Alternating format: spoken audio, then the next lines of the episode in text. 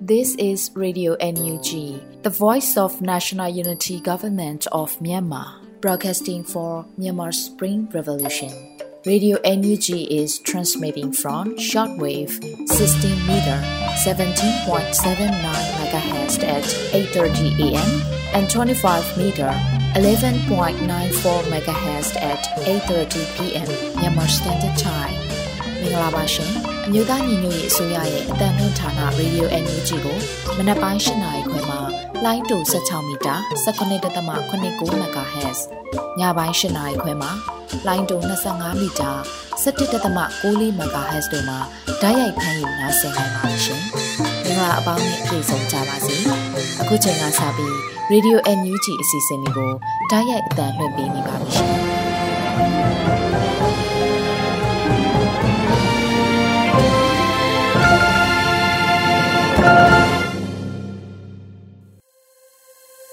မြန်မာနိုင်ငံသူနိုင်ငံသားပေါင်းတဘာဝပေးဆရာနာရှင်ပြီးတို့ကနေကင်းဝေးပြီးကိုစိတ်နှစ်ပါးပေးကင်းလုံးကြုံကြပါစေလို့ရေဒီယိုအန်ယူဂျီဖွယ်သားများကဆုတောင်းမြတ်တာပို့သလာရပါတယ်ရှင်။အခုချိန်ကစပြီးကာကွယ်ရေးဝန်ကြီးဌာနရဲ့စီးရေးသတင်းချင်းချုပ်ကိုတော့ຫນွေဦးမှုမှဖတ်ကြားတင်ပြပေးပါရမရှင်။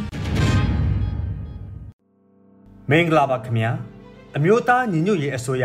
ကာကွယ်ရေးဝန်ကြီးဌာနမှထုတ်ဝေသော နေ့စဉ်စီးရေးသတင်းအချင်းချုပ်များကိုတင်ပြသွားပါမယ်။အေးသတင်းများကို မြေပြင်သတင်းတောင်ဝန်ခံတွေနဲ့ခိုင်လုံသောမိဖက်သတင်းရင်းမြစ်တွေမှာဖော်ပြလာသောအချက်အလက်များပေါ်အခြေခံပြုစုထားခြင်းဖြစ်ပါတယ်ခင်ဗျာယနေ့တနေ့လုံးအတွက်စစ်ကောင်စီတပ်သား68ဦးသေဆုံးခဲ့ပြီးစစ်ကောင်စီတပ်သား28ဦးဒဏ်ရာရရှိခဲ့ပါတယ်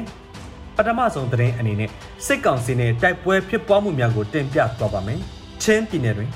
စက်တင်ဘာလ9ရက်နေ့မနက်7:35မိနစ်ခန့်ကမင်းတပ်မြို့နယ်အဆက်မဲနယ်ကုန်းကျေးရွာအနီးတွင်စစ်ကောင်စီတပ်နှင့် CDF မင်းတပ်တို့ထိတွေ့တိုက်ပွဲဖြစ်ပွားခဲ့ရာစစ်ကောင်စီတပ်သား3ဦးသေဆုံးပြီးအများအပြားဒဏ်ရာရရှိခဲ့ပါတယ်ခင်ဗျာမွန်ပြည်နယ်တွင်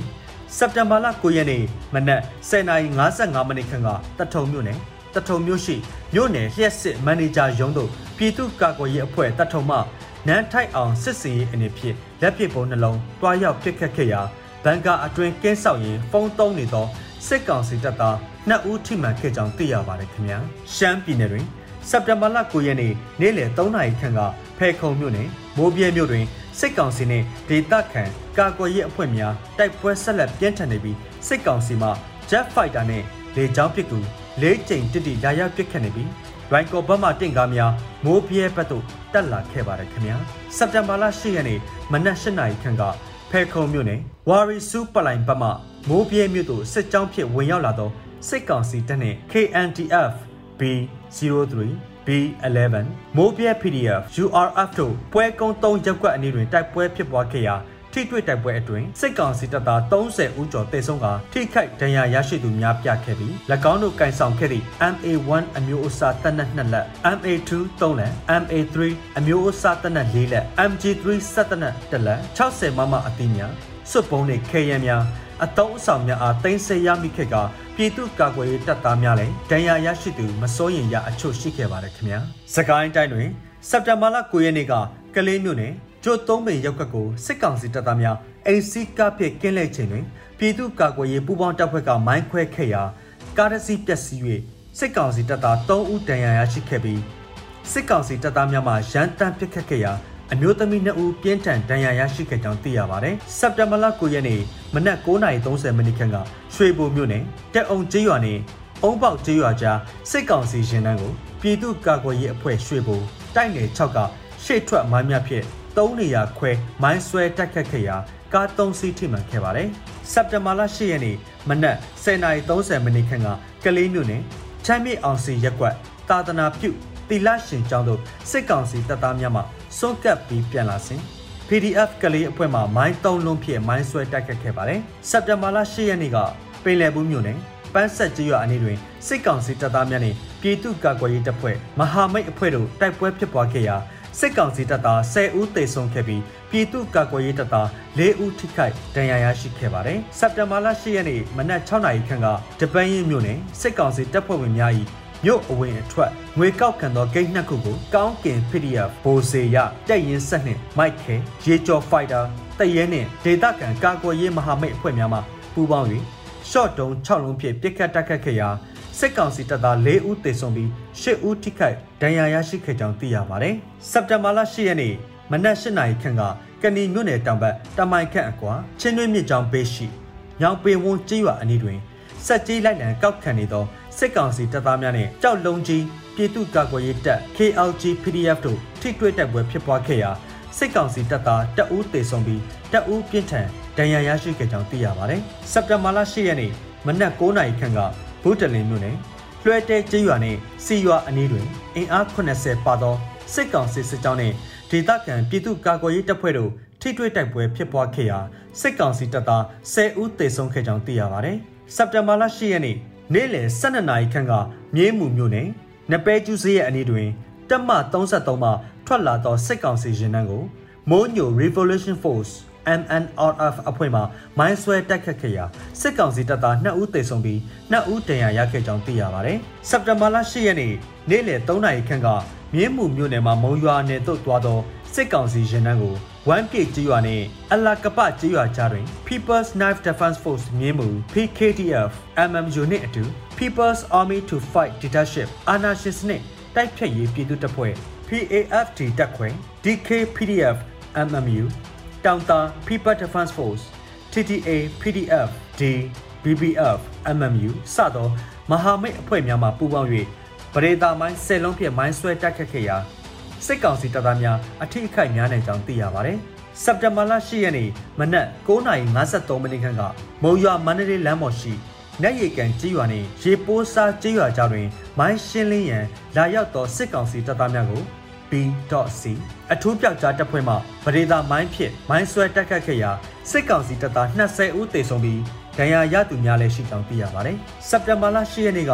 မုံရွာမန္တလေးလမ်းပေါ် မုံရွာမြို့မှထွက်လာသောစစ်ကောင်စီတင့်ကားတင်ဆောင်လာသည့်ရင်နှစီးနှင့်စကိုင်းမှမုံရွာဘက်သို့ထွက်လာသောစစ်ကောင်စီရင်အစီး20အား TGR Women Drone Force အဖွဲ့မှနက်ရီကန်နှင့်ခွေးပင်တော်ကျေးရွာကြားတွင်နှစ်ကြိမ်နက်ရီကန်ရွာထိပ်ရှိကင်မိုအားတစ်ကြိမ်နှင့်ခွေးပင်တော်ရွာအနောက်ဘက်တစ်ကြိမ် drone ဖြင့်ဘုံကျိတ်ချတိုက်ခတ်ခဲ့ကြောင်းသိရပါတယ်။စက်တင်ဘာလ10ရက်နေ့ကကတာမြို့နယ်လမ်းစုံတနေရာရှိအဆောက်အဦတွင်ရှိနေသောစစ်ကောင်စီတပ်သားများကိုပြည်သူ့ကာကွယ်ရေးတပ်ဖွဲ့ ကတာပကဖအဖွဲ့မှ drone ဖြင့်ပုံကျဲတက်ခတ်ခဲ့ပါတယ်။စက်တင်ဘာလ10ရက်နေ့နေ့လယ်2နာရီခန့်ကမြင်းမှုမြို့နယ်အင်အား80ခန့်ပြည့်စစ်ကြောင်းထိုးလာသောစစ်ကောင်စီတပ်သားများကိုတမူးမြို့ပြင်ရွှေမြို့တော်စီဆိုင်ရှိတွင် All Burma Students Democratic Front APSDF BSO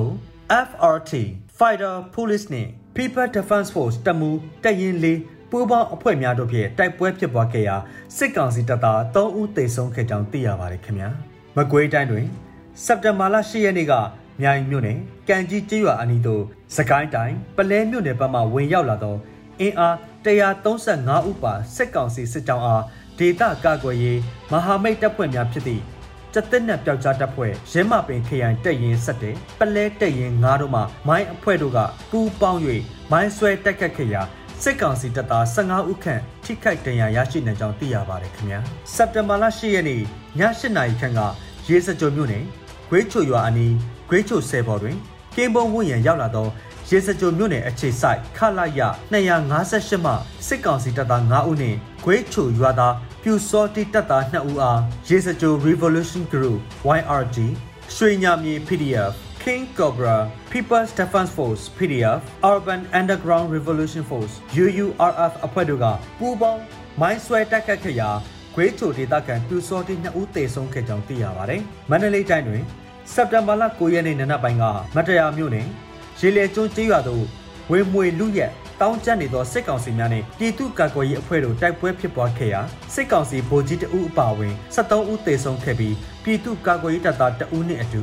ပြည်သူတအုပ်ဖမ်းဆီးခံခဲ့ရကစစ်ကောင်စီများပြစ်ခတ်မှုကြောင့်ပြည်သူတအုပ်တီထိမှန်သေဆုံးခဲ့ပြီး3ဦးတနတ်တန်ရာရရှိခဲ့ပါတယ်စစ်ကောင်စီများကရေလေကျွန်းကျေးရွာအားမီးရှို့နေပြီးပြည်သူများလည်းထွက်ပြေးနေရပါတယ်ခင်ဗျာဆက်လက်ပြီးစစ်ကောင်စီကျွလွန်သောရာဇဝတ်မှုများကိုတင်ပြသွားပါမယ်ရခိုင်ပြည်နယ်တွင်စက်တင်ဘာလ10ရက်နေ့မနက်10:00နာရီခန့်ကကြောက်ဖြူမြို့နယ်မှာကိုမောင်ဝင်းနိုင်ကိုစလိုင်းကိုအေးခ ကစီကိုပတန်တို့၃ဦးကိုစစ်ကောင်စီတပ်သားများမှနေအိမ်များတွင်လာရောက်ဖမ်းဆီးကာကြောက်ဖြူအခြေဆိုင်ခလာရ34တပ်ရင်းတွင်စစ်ဆေးနေကြောင်းသိရပါတယ်ခင်ဗျာ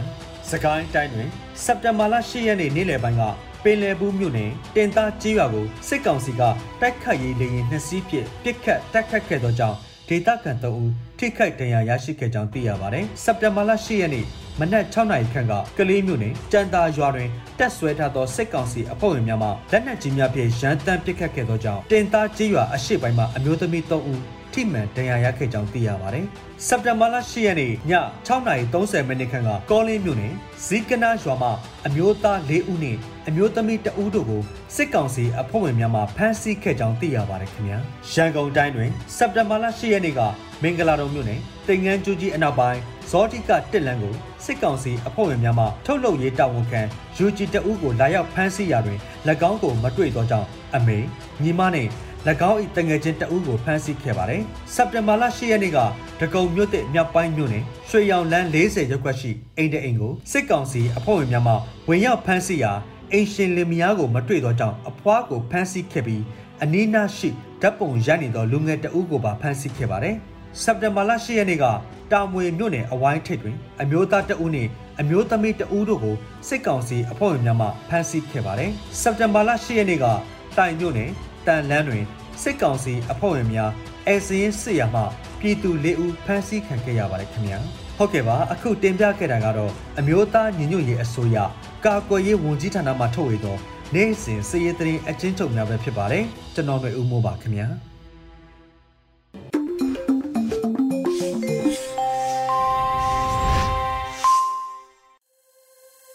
ရေရွယ်ညူချီမှာဆက်လက်တင်ပြနေပါတယ်။အခုဆက်လက်ပြီးနောက်ဆုံးရသတင်းများကိုစောတဲလူနေမှဖတ်ကြားတင်ပြပေးပါရမရှင်။မင်္ဂလာပါခင်ဗျာ။ 10ရက်9လ2022မနက်ပိုင်းပြည်တွင်သတင်းများကိုစတင်ကြေညာပေးပါမယ်။ကျွန်တော်ကတော့စောတဲလူနေပါ။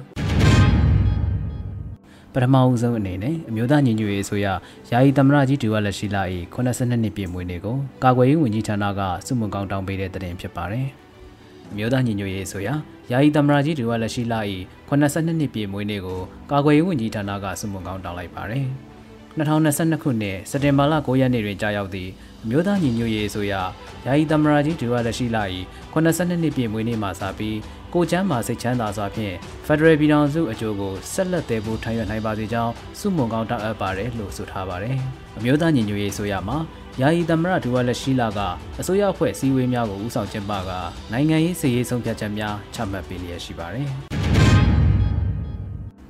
ဒုတိယသတင်းတစ်ပုဒ်အနေနဲ့တယံဇာတာကိစ္စရပ်များဆောင်ရွက်ရာတွင်ပြည်သူလူထုအတွက်အန်ဒီရဲ့ကင်းဆုံးပြည်သူနှင့်အစိုးရအတွက်အကျိုးရှိဆုံးနည်းလမ်းများကိုရွေးချယ်ဆောင်ရွက်ရန်ဝန်ကြီးချုပ်မန်ဝင်းခန်တိုင်းကပြောကြားတဲ့သတင်းဖြစ်ပါတယ်။စက်တင်ဘာလ9ရက်နေ့ကကျင်းပပြုလုပ်ခဲ့သည့်ပြည်ထောင်စုအဆင့်တယံဇာတာစီမံအုပ်ချုပ်မှုအဖွဲ့အစည်းအဝေး NABNRE 9မြင်းဆောင်2022အစည်းအဝေးမှာပြည်ထောင်စုဝန်ကြီးချုပ်မန်ဝင်းခန်တိုင်းကအခုလိုပြောကြားခဲ့ပါတယ်။တယံဇာတာကိစ္စရပ်များဆောင်ရွက်ရာတွင် ပြည်သူလူထုအတွက်အန္တရာယ်အကင်းဆုံးပြည်သူနှင့်အစိုးရအတွက်အကျိုးရှိဆုံးတော်လှန်ရေးအတွက်ထောက်ကူဖြစ်စေမည့်နည်းလမ်းများကိုရွေးချယ်ဆောင်ရွက်ရန်နှင့်သက်ဆိုင်ရာကဏ္ဍအားလုံးကစီစီလုံးလုံးနှင့်အတူတကွပူးပေါင်းဆောင်ရွက်ကြခြင်းဖြင့်လုပ်ငန်းမြန်ဆန်တွက်လက်ပြီးမိမိတို့အားလုံး၏ရည်မှန်းချက်ဖြစ်သည့်တော်လှန်ရေးအောင်မြင်ရေးအတွက်ရခင်ကားထက်ပိုမိုထောက်ကူပြုလာနိုင်သည်ကိုတွေ့မြင်ရမည်ဖြစ်ကြောင်းဆိုခဲ့ပါတယ်။ဒါအပြင်ပြည်ထောင်စုအစိုးရဝန်ကြီးဌာန ဂျားကာလာမြို့နယ်ပြည်သူ့အုပ်ချုပ်ရေးအဖွဲ့မြို့နယ်တယံဇာတအဖွဲ့နှင့်တပ်ဆိုင်ရာအဖွဲ့အစည်းများပေါင်းစည်းကတယံဇာတများကိုစုပေါင်းကောင်းဆောင်မှုစုပေါင်းအားထုတ်မှုနည်းလမ်းများအသုံးပြု၍စနစ်တကျစီမံအုပ်ချုပ်ခြင်းဖြင့်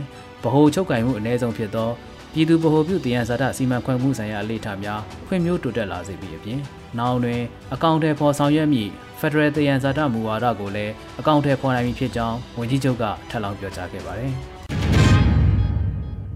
ဆက်လက်ပြီးတင်ပြပေးမှာကတော့လူသားချင်းစာနာထောက်ထားမှုဆိုင်ရာအကူအညီများကိုစစ်အာဏာရှင်တို့ကလက်နက်သဖွယ်အသုံးချနေတယ်လို့နိုင်ငံခြားရေးဝန်ကြီးဒေါ်စင်မအောင်ကချက်သမရနိုင်ငံတွင်ဆွေးနွေးပြောကြားခဲ့တဲ့သတင်းဖြစ်ပါတယ်။စက်တင်ဘာလအတွင်းနိုင်ငံခြားရေးဝန်ကြီးဒေါ်စင်မအောင်ဟာချက်သမရနိုင်ငံနိုင်ငံခြားရေးဝန်ကြီးနှင့်အောက်လွှတ်တော်ဥက္ကဋ္ဌကာကွယ်ရေးနှင့်လုံခြုံရေးကော်မတီဥက္ကဋ္ဌအထက်လွှတ်တော်အမတ်တို့အပါအဝင်ချက်သမရနိုင်ငံမှဂုဏ်တရားရှိပုဂ္ဂိုလ်များနှင့်တွေ့ဆုံခဲ့ပါတယ်။ စစ်အာဏာရှင်တို့ကအယက်သားများအပေါ်စကလုံးဖြင့်ပြောဆိုရမယ်မဖြစ်နိုင်သောရက်ဆက်ကြမ်းကြုတ်နေမှုများကိုလည်းပြောဆိုတင်ပြခဲ့ပြီးလူသားချင်းစာနာထောက်ထားမှုဆိုင်ရာအကူအညီများကိုစစ်အာဏာရှင်တို့ကလက်နက်တပွဲအသုံးချနေခြင်းနှင့်လူပေါင်းတသန်းနီးပါးကိုအတင်းအကျပ်ရွှေ့ပြောင်းစေခဲ့ခြင်းအားနိုင်ငံခြားရေးဝန်ကြီးဒေါ်စင်မအောင်ကဆွေးနွေးပြောကြားခဲ့ပါတယ်။ နိုင်ငံသားရေးဝန်ကြီးဌာနပြည်ထောင်စုဝန်ကြီးဟာလူ့အခွင့်အရေးဝန်ကြီးဌာနပြည်ထောင်စုဝန်ကြီးဦးအောင်မျိုးမင်းချက်သမ္မတနိုင်ငံတွင်တာဝန်ထမ်းဆောင်လျက်ရှိသောအမျိုးသားညီညွတ်ရေးဆိုရကိုယ်စားလှယ်ဦးလင်းတန်တို့နှင့်အတူခရီးစဉ်ကိုရောက်ရှိခဲ့ခြင်းဖြစ်ပါတယ်။ဆက်လက်ပြီးနောက်ထပ်၄လအတွင်းမောင်းမြန်တနက်2000တက်စင်ရန်အမေရိကန်ဒေါ်လာတန်တရာအနည်းဆုံးလိုအပ်တယ်လို့ကာကွယ်ရေးဝန်ကြီးဌာနကအတည်ပြုတဲ့သတင်းအားတင်ပြပေးပါမယ်။စက်တင်ဘာလအတွင်းသတင်းဌာနတစ်ခုနဲ့တွေ့ဆုံရမှာကာကွယ်ရေးဝန်ကြီးဦးရီမွန်ကအခုလိုပြောကြားခဲ့ပါတယ်။ အနည်းဆုံးနောက်ထပ်၄လအတွင်းမှာအမေရိကန်ဒေါ်လာတန်တရာရဖို့လိုတယ်။ဒီရန်ပုံငွေရလာရင်နောက်ထပ်မောင်းမြန်2000လောက်တက်ဆင်ဖို့စူးစမ်းပါမယ်လို့ဝန်ကြီးကဆိုပါတယ်။ဒါအပြင်ချိန်မုံကြီးလက်နက်ဖြစ်တဲ့အဝေးပစ်လက်နက်ကြီးများကိုလည်းတက်ဆင်ရမှာဖြစ်တယ်လို့ဝန်ကြီးကထပ်လောင်းပြောဆိုခဲ့ပါတယ်။2023အတွက်ကာကွယ်ရေးရန်ပုံငွေလိုအပ်ချက်မှာအမေရိကန်ဒေါ်လာသန်း200မှ300ကျားရှိတယ်လို့ဆိုခဲ့ပါတယ်။ အခုဆက်လက်တင်ပြပေးမှာကတော့ပြည်ထောင်စုအဆင့်တယံဇာတစီမံအုပ်ချုပ်မှုအဖွဲ့၏9မြင်းဆောင်2022အစည်းအဝေးကျင်းပတဲ့တင်ပြပါတယ်။ပြည်ထောင်စုဝန်ကြီးချုပ်မှဥက္ကဋ္ဌအဖြစ်ဆောင်ရွက်သည့်ပြည်ထောင်စုအဆင့်စတယံဇာတစီမံအုပ်ချုပ်မှုအဖွဲ့၏9မြင်းဆောင်2022အစည်းအဝေးအား9ရက်နေ့နနက်7:00နာရီက Zoom meeting ဖြင့်ကျင်းပခဲ့တယ်လို့သိရရှိပါရယ်။အစည်းအဝေးသို့အဖွဲ့ဝင်များဖြစ်ကြတဲ့ကာကွယ်ရေးဝန်ကြီးဌာန ပြည်ထရေးနှင့်လူဝင်မှုကြီးကြပ်ရေးဝန်ကြီးဌာနစီမံကိန်းဗဏ္ဍာရေးနှင့်ရင်းနှီးမြှုပ်နှံမှုဝန်ကြီးဌာနတယံဇာတနှင့်တဘာဝပတ်ဝန်းကျင်ထိန်းသိမ်းရေးဝန်ကြီးဌာနတို့မှဝန်ကြီးဒုဝန်ကြီးအတွင်းဝင်များကိုယ်စားလှယ်အဖွဲ့ဝင်များပြည်ထောင်စုဝန်ကြီးချုပ်ရုံးမှအတွင်းဝင်နှင့်ရုံးအဖွဲ့များပြည်ထောင်စုအဆင့်တယံဇာတစီမံအုပ်ချုပ်မှုအဖွဲ့၏အတွင်းမှုရုံးအဖွဲ့တို့မှစုစုပေါင်း15ဦးတက်ရောက်ခဲ့ကြပါတယ်။ ပြည်ထောင်စုအဆင့်တယံဇာတစီမံအုပ်ချုပ်မှုအဖွဲ့အတွင်းမှုမှ၄မြင်းဆောင်2022ချိန်မြောက်စီဝေးဆုံးဖြတ်ချက်ဆောင်ရွက်ပြီးစီးမှုများရှေ့လုပ်ငန်းစဉ်များနဲ့ဆက်လျင်၍ဆောင်ရွက်ပြီးစီးမှုများကိုတင်ပြခဲ့ကြပါတယ်။တင်ပြချက်များနဲ့ဆက်လျင်၍တက်ရောက်လာခဲ့သည့်ဥက္ကဋ္ဌနှင့်အဖွဲ့ဝင်များကဝိုင်းဝန်းဆွေးနွေးအကြံပြုခဲ့ကြပြီးပြည်ထောင်စုအဆင့်တယံဇာတစီမံအုပ်ချုပ်မှုအဖွဲ့၏9မြင်းဆောင်2022အစည်းအဝေးဆုံးဖြတ်ချက်များအားချမှတ်ခဲ့ကြပါတယ်။ ဆက်လက်တင်ပြပေးမှာကတော့ Spring Mandalay Investment ကိုမကြခင်စတင်တော့မယ်လို့ပြည်ထောင်စုဝန်ကြီးဦးတင်ထွန်းနိုင်ကပြောဆိုခဲ့တဲ့သတင်းဖြစ်ပါတယ်။ Spring Mandalay Investment ကိုမကြခင်စတင်တော့မယ်လို့ပြည်ထောင်စုဝန်ကြီးဦးတင်ထွန်းနိုင်ကစက်တင်ဘာ9ရက်ညပိုင်းမှာစီမံကိန်းဗန်နာရေးနဲ့ယင်းနှိမ့်မြုပ်နှံမှုဝန်ကြီးကလူမှုကွန်ရက်မှာရေးသားပြောကြားခဲ့တာဖြစ်ပါတယ်။မကြခင်မှာ Spring Mandalay Investment ကိုစတင်တော့မှာဖြစ်ပါတယ်။ ပြည်တော်ဝင်အောင်တိတ်အောင်နမိတ်နဲ့ကျွန်တော်တို့အားလုံးအစွမ်းကုန်အားထုတ်ကြရင်အကြမ်းဖက်စစ်အာဏာရှင်ကိုဏီကုန်းချုပ်ပေးလက်ကြအောင်ပါလို့ဆိုပါတယ်။ EOD လူမှုကွန်ရက်စာမျက်နှာမှာလည်း Spring Mandalay Investment မကြမီလို့ဖော်ပြအသိပေးထားပါတယ်။လက်ရှိမှာຫນွေဦးရိတ်မုံအင်ယာမှာမြေခွက်40ဒေါ်လာ2တန်းကျော်ဖို့ရောင်းချထားရပါတယ်။အခုတင်ပြပေးသွားမှာကတော့ဂျာကာလဒေသန္တရအုပ်ချုပ်ရေးဖော်ဆောင်မှုဗဟိုကော်မတီနှင့်တိုးချက်ပြည်သူ့အုပ်ချုပ်ရေးအဖွဲ့များတွေ့ဆုံတဲ့တဲ့တင်ဖြစ်ပါတယ်။ အမျိုးသားညီညွတ်ရေးဆိုရာဂျားကာလာဒေသန္တရပြည်သူ့အုပ်ချုပ်ရေးဖော်ဆောင်မှုဗဟိုကော်မတီနှင့်တိုးချက်ပြည်သူ့အုပ်ချုပ်ရေးအဖွဲ့များတွေ့ဆုံဆွေးနွေးပွဲအစည်းအဝေး6မြင်းဆောင်2022ကိုစက်တင်ဘာလ9ရက်နေ့နနက်9:00နာရီချိန်တွင်ကျင်းပခဲ့ပါတယ်။ဆက်လက်၍တရားရေးဝန်ကြီးဌာနမှထုတ်ပြန်ထားသောလက်ဆွဲများနှင့်ဆောင်ရွက်နေသောလုပ်ငန်းများနှင့်ပတ်သက်၍ရှင်းလင်းတင်ပြခဲ့ပြီးနောက်တိုးချက်ပြည်သူ့အုပ်ချုပ်ရေးအဖွဲ့များမှမြေပြင်တွင်ကြုံတွေ့နေရသည့်အခက်အခဲများနှင့်သိရှိလိုသည့်များကိုအပြန်အလှန်ဆွေးနွေးခဲ့ပါတယ်။ အဆိုပါတွေ့ဆုံပွဲသို့ပြည်ထောင်စုဝန်ကြီးများဒုတိယဝန်ကြီးများအမြဲတမ်းတွင်းဝင်များတွဲဖက်တွင်းဝင်များနှင့်တိုးချက်ပြည်သူ့အုပ်ချုပ်ရေးအဖွဲ့များမှတာဝန်ရှိသူများဌာနဆိုင်ရာတာဝန်ရှိသူများတက်ရောက်ခဲ့ကြပါတယ်ဆက်လက်တင်ပြပေးမှာကတော့ပြည်သူ့ကာကွယ်ရေးတပ်မတော်မန္တလေးမှတပ်ဖွဲ့ဝင်အသစ်များခေါ်ယူနေတဲ့တဲ့တင်ဖြစ်ပါတယ်စက်တင်ဘာလ9ရက်နေ့မှာပြည်သူ့ကာကွယ်ရေးတပ်မတော်မန္တလေးမှအခုလိုအသိပေးပြောဆိုထားပါတယ်စစ်အာဏာရှင်စနစ်အမြင့်ဖြတ်ဖယ်ရှားဖို့နဲ့ Federal Democracy နိုင်ငံတော်အသစ်တည်ဆောက်နိုင်ဖို့ပြည်သူ့ကာကွယ်ရေးတပ်မတော်မန္တလေးမှတပ်ဖွဲ့ဝင်အသစ်များခေါ်ယူနေပြီဖြစ်ပါတယ်လို့ဆိုပါတယ်။ပြည်သူ့ကာကွယ်ရေးတပ်မတော်မန္တလေးဆိုတာမန္တလေးတိုင်းကိုအခြေပြုပြီးစနစ်တကျစုဖွဲ့ပြင်ဆင်ထားတဲ့တပ်ဖွဲ့တစ်ခုဖြစ်ပေမဲ့မန္တလေးသားတွေအပြင်စကိုင်းမကွေးရန်ကုန်အေရဝတီနဲ့အခြားပြည်နယ်နဲ့တိုင်းအသီးသီးကရဲဘော်များလည်းပါဝင်တိုက်ပွဲဝင်နေကြပါတယ်။ဒါကြောင့်မန္တလေးသူမန္တလေးသားများသာမက ဒေသအသီးသီးကစစ်အာဏာရှင်ကိုတော်လှန်တိုက်ပွဲဝင်လို့သူမြည်သူမဆိုပြည်သူ့ကာကွယ်ရေးတပ်မတော်မန္တလေးကကြိုးဆိုနေပါတယ်။အတူလက်တွဲတိုက်ပွဲဝင်ဖို့အသင့်ရှိနေပါတယ်။အားကောင်းတဲ့အဆင့်ဆင့်ကွက်ကဲမှုတိကျတဲ့အမိန့်နာခံမှုစနစ်ကျတဲ့စုဖွဲ့မှုတွေနဲ့တိုက်ပွဲဝင်လို့တဲ့ဆိုရင်တော့ပြည်သူ့ကာကွယ်ရေးတပ်မတော်မန္တလေးနဲ့အတူလက်တွဲဖို့ဖိတ်ခေါ်လိုပါတယ်လို့ဆိုထားပါတယ်။ပြည်သူ့ကာကွယ်ရေးတပ်မတော်မန္တလေးရဲ့တပ်ဖွဲ့ဝင်တယောက်ဖြစ်ပြီးလို့ဆုံးဖြတ်ပြီးပြီဆိုရင်တော့မန္တလေး PDF Facebook page ကနေဆက်သွယ်လို့ရပါတယ်။ အခုဆက်လက်ပြီးတင်ပြပေးသွားမှာကတော့မြေကြီးနားမြို့အမှတ်နဲ့ရဲစခန်းကိုယမနေ့ညက PDF များပြစ်ခတ်တိုက်ခိုက်ခဲ့တဲ့တဲ့တင်ဖြစ်ပါတယ်။မြေကြီးနားမြို့အမှတ်နဲ့ရဲစခန်းကိုယမနေ့ညက PDF များပြစ်ခတ်တိုက်ခိုက်ခဲ့ပါတယ်။ စက်တင်ဘာလ9ရက်ည9:00နာရီချိန်မှာပြည်သူ့ကာကွယ်ရေးတပ်ဖွဲ့မြကြီးနားမှာတွားရောက်ပစ်ခတ်တိုက်ခိုက်ခဲ့တာလို့အတည်ပြုထားပါတယ်။မြကြီးနားမြို့အမှတ်နှစ်ရဲစခန်းကိုယနေ့ည9:00နာရီခွဲခန့်ကမိမိတို့ပြည်သူ့ကာကွယ်ရေးတပ်ဖွဲ့မြကြီးနားမှာတွားရောက်ပစ်ခတ်တိုက်ခိုက်ခဲ့တယ်လို့ဆိုပါတယ်။ရဲများထိခိုက်ဒဏ်ရာရရှိခဲ့ပြီးတိတ်ဆုံးမှုအားအတည်ပြုနေစေဖြစ်ပါတယ်။ပြည်သူ့ကာကွယ်ရေးတပ်ဖွဲ့မြကြီးနားမှာအထိခိုက်မရှိအောင်မြင်စွာဆုတ်ခွာနိုင်ခဲ့ကြောင်းသိရရှိပါတယ်။ အခုနောက်ဆုံးတင်ပြပေးတော့မှာကတော့ချင်းပြည်နယ်မင်းတပ်မြို့မဲလကုန်းအနီးရှိတိုက်ပွဲမှာစစ်ကောင်စီတပ်သား3ဦးသေဆုံးတဲ့တဲ့တင်ဖြစ်ပါတယ်။ချင်းပြည်နယ်မင်းတပ်မြို့မဲလကုန်းအနီးထိတိုက်ပွဲမှာစစ်ကောင်စီတပ်သား3ဦးသေဆုံးခဲ့ကြောင်းသိရှိရပါတယ်။စက်တင်ဘာလ9ရက်နေ့မနက်ပိုင်းမှာစတင်ကစစ်ကောင်စီတပ်များနဲ့ CDF မင်းတပ်တို့ပစ်ခတ်တိုက်ခိုက်နေကြတာလို့ CDF မင်းတပ်တရင်နှင့်ပြန်ကြားရေးဌာနကဆိုပါတယ်။ CDF မင်းတပ်နဲ့စစ်ကောင်စီစစ်ကြောင်းဟာမဲလကုန်းအနီးတွင်ထိတွေ့တိုက်ပွဲဖြစ်ပွားခဲ့ပါတယ်။ ကြောက်ထုမြို့မြောက်တပ်မှလက်နက်ကြီးပစ်ကူလျက်ရှိပြီး၄ကြိမ်ပစ်ကပ်ပြီးဖြစ်တယ်လို့လည်းဆိုပါတယ်။မဲလကုန်းရွာအနီးတိုက်ပွဲမှာမိုးလဲပိုင်းတွင်စစ်ကောင်စီဘက်မှ၃ဦးကြာဆုံးပြီးအများအပြားဒဏ်ရာရရှိနိုင်ကြောင်း CDF မင်းတပ်ကဖော်ပြခဲ့ပါတယ်။ယခုဖော်ပြပေးခဲ့တဲ့သတင်းတွေကိုတော့ Radio NUG သတင်းတောက်မင်းမင်းကပေးပို့ထားတာပဲဖြစ်ပါတယ်ခင်ဗျာ။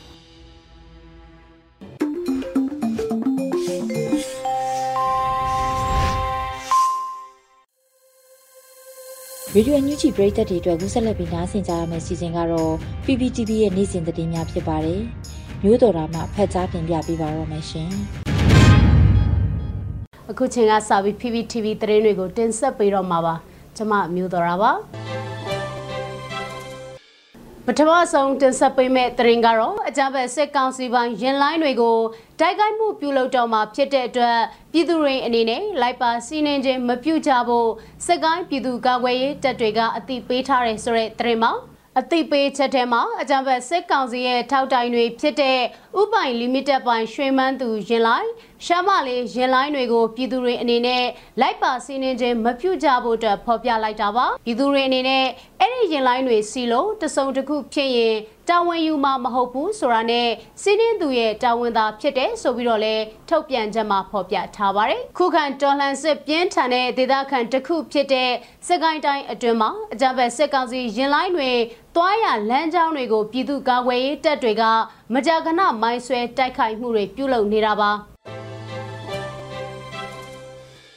ဆက်လက်တင်ဆက်ပေးမှာကတော့ကောသူလေးအုပ်ချုပ်နေမြေမှာအကြမ်းဖက်စစ်တပ်ရဲ့လူအခွင့်ရေးချိုးဖောက်မှုတွေနဲ့တိုက်ပွဲအခြေအနေတွေကို KNU ထုတ်ပြန်လိုက်တဲ့သတင်းမှာထုတ်ပြန်ချက်ထဲမှာဩဂတ်စ်လအတွင်းတိုက်ပွဲကြီးတိုက်ပွဲငယ်ပြောင်ကြားတိုက်ပွဲတွေအပါအဝင်စုစုပေါင်းတိုက်ပွဲ262ကြိမ်ဖြစ်ပွားခဲ့ပြီးအကြမ်းဖက်စစ်ကောင်စီဘက်က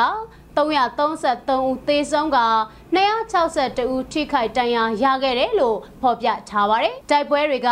ကရင်မျိုးသားလူမျိုးရေးတပ်မတော် KNLA ကရင်မျိုးသားကာကွယ်ရေးတပ်ဖွဲ့ KNTO နဲ့အကြမ်းဖက်စစ်တပ်နဲ့လက်ပါစီဖြစ်တဲ့နေချားစောက်တပ် BGF တွေအကြားဖြစ်ပွားခဲ့တာဖြစ်ပြီးတော့အဲ့ဒီတိုက်ပွဲတွေအတွင်း KNLA နဲ့ KNTO တပ်ဖွဲ့တွေဘက်က၄ဦးကြာဆုံးက18ဦးထိခိုက်ဒဏ်ရာရရှိခဲ့ပါတယ်။အကြမ်းဖက်စစ်တပ်နဲ့လက်ပါစီနေချားစောက်တပ်တွေက ပြည်သူလူထုနေထိုင်ရာကျေးရွာတွေနဲ့လုပ်ငန်းခွင်တွေအတွင်းကိုလက်နက်ကြီး383လုံးနဲ့ပြစ်ခတ်မှုတွေပြုလုပ်ခဲ့ပါတယ်။ အဲ့ဒီလိုပြုလုပ်ခဲ့တာကြောင့်အပြစ်မဲ့ပြည်သူ9ဦးသေဆုံးက16ဦးထိခိုက်ဒဏ်ရာရရှိခဲ့ပြီးနေအိမ်16လုံးထိခိုက်ပျက်စီးခဲ့ရပါတယ်။အကြမ်းဖက်စစ်တပ်ကအပြစ်မဲ့ပြည်သူ68ဦးကိုအတင်းအတ္တမဖမ်းဆီးကချင်းချောက်စစ်ဆေးတာပေါ်ရာအဖြစ်အသုံးချက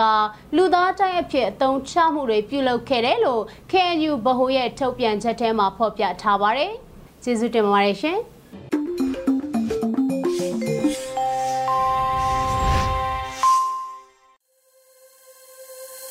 ရေရွယ်ညူချီပရိသတ်တွေအတွက်ကူးဆက်လက်ပြီးနားဆင်ကြရမယ့်စီစဉ်ကတော့တိုင်းရင်းသားဘာသာစကားနဲ့သတင်းထုတ်လွှင့်မှုအနေနဲ့ချိုးချင်းဘာသာစကားခွဲတစ်ခုဖြစ်တဲ့ဒိုင်ဘာသာဖြစ်သတင်းထုတ်လွှင့်မှုကိုနားဆင်ကြရတော့မှာဖြစ်ပါတယ်။ဒီစီစဉ်ကိုရေရွယ်ညူချီနဲ့ချိုးချင်းဘာသာစကားသတင်းထုတ်လွှင့်မှုအဖွဲ့တို့ကပူးပေါင်းတင်ဆက်ထားတာဖြစ်ပါတယ်ရှင်။ဒိုင်ရီဒီယိုထန်းထုနက်ဆုငါကြီးနိုပါဘေနာနိညာယေနောင်နီတုငါခကုမ်ထောင်းဟိကနုံကိုယံဟိ ခွိစခရာအမ်နမ်ရာခန်စုမတုံဟုံယကာသငေဆွန်းကေဒိုင်ဆလိုင်နောကနင်ယမ်ထေလောက်ခယာကာကီအက္စကာ CTF မင်တနောအက္စအဘီယာနာနာသီယုံပွမ်ချီဝိုင်တီယာငွေရှင်ဆွီလီနာကုံငပွိဝိုင်ယမ်ထေကီတီယာသံအင်ဟီနာကာမင်တမ်လူအာထူအီကနာခန်းခီဝိုင်အမေတီယာသံအထုမနာကာဆေဆပူနောအနီမန်ဖနိုင်းနမုံကာမဆွန်းဟိမ်အူလူဆေဆပူနော တလာယုံငါထန်အိမ်ထဝိုင်အိုတီထန်အခုနာကစေစပုခေါင်မီအောင်လှိုင်းရုရှားပေဒါကုံအစေနာကုံဥမောင်းဟာဝိဝကီတီထန်ငယ်ညငိုင်ခရေကကိနီ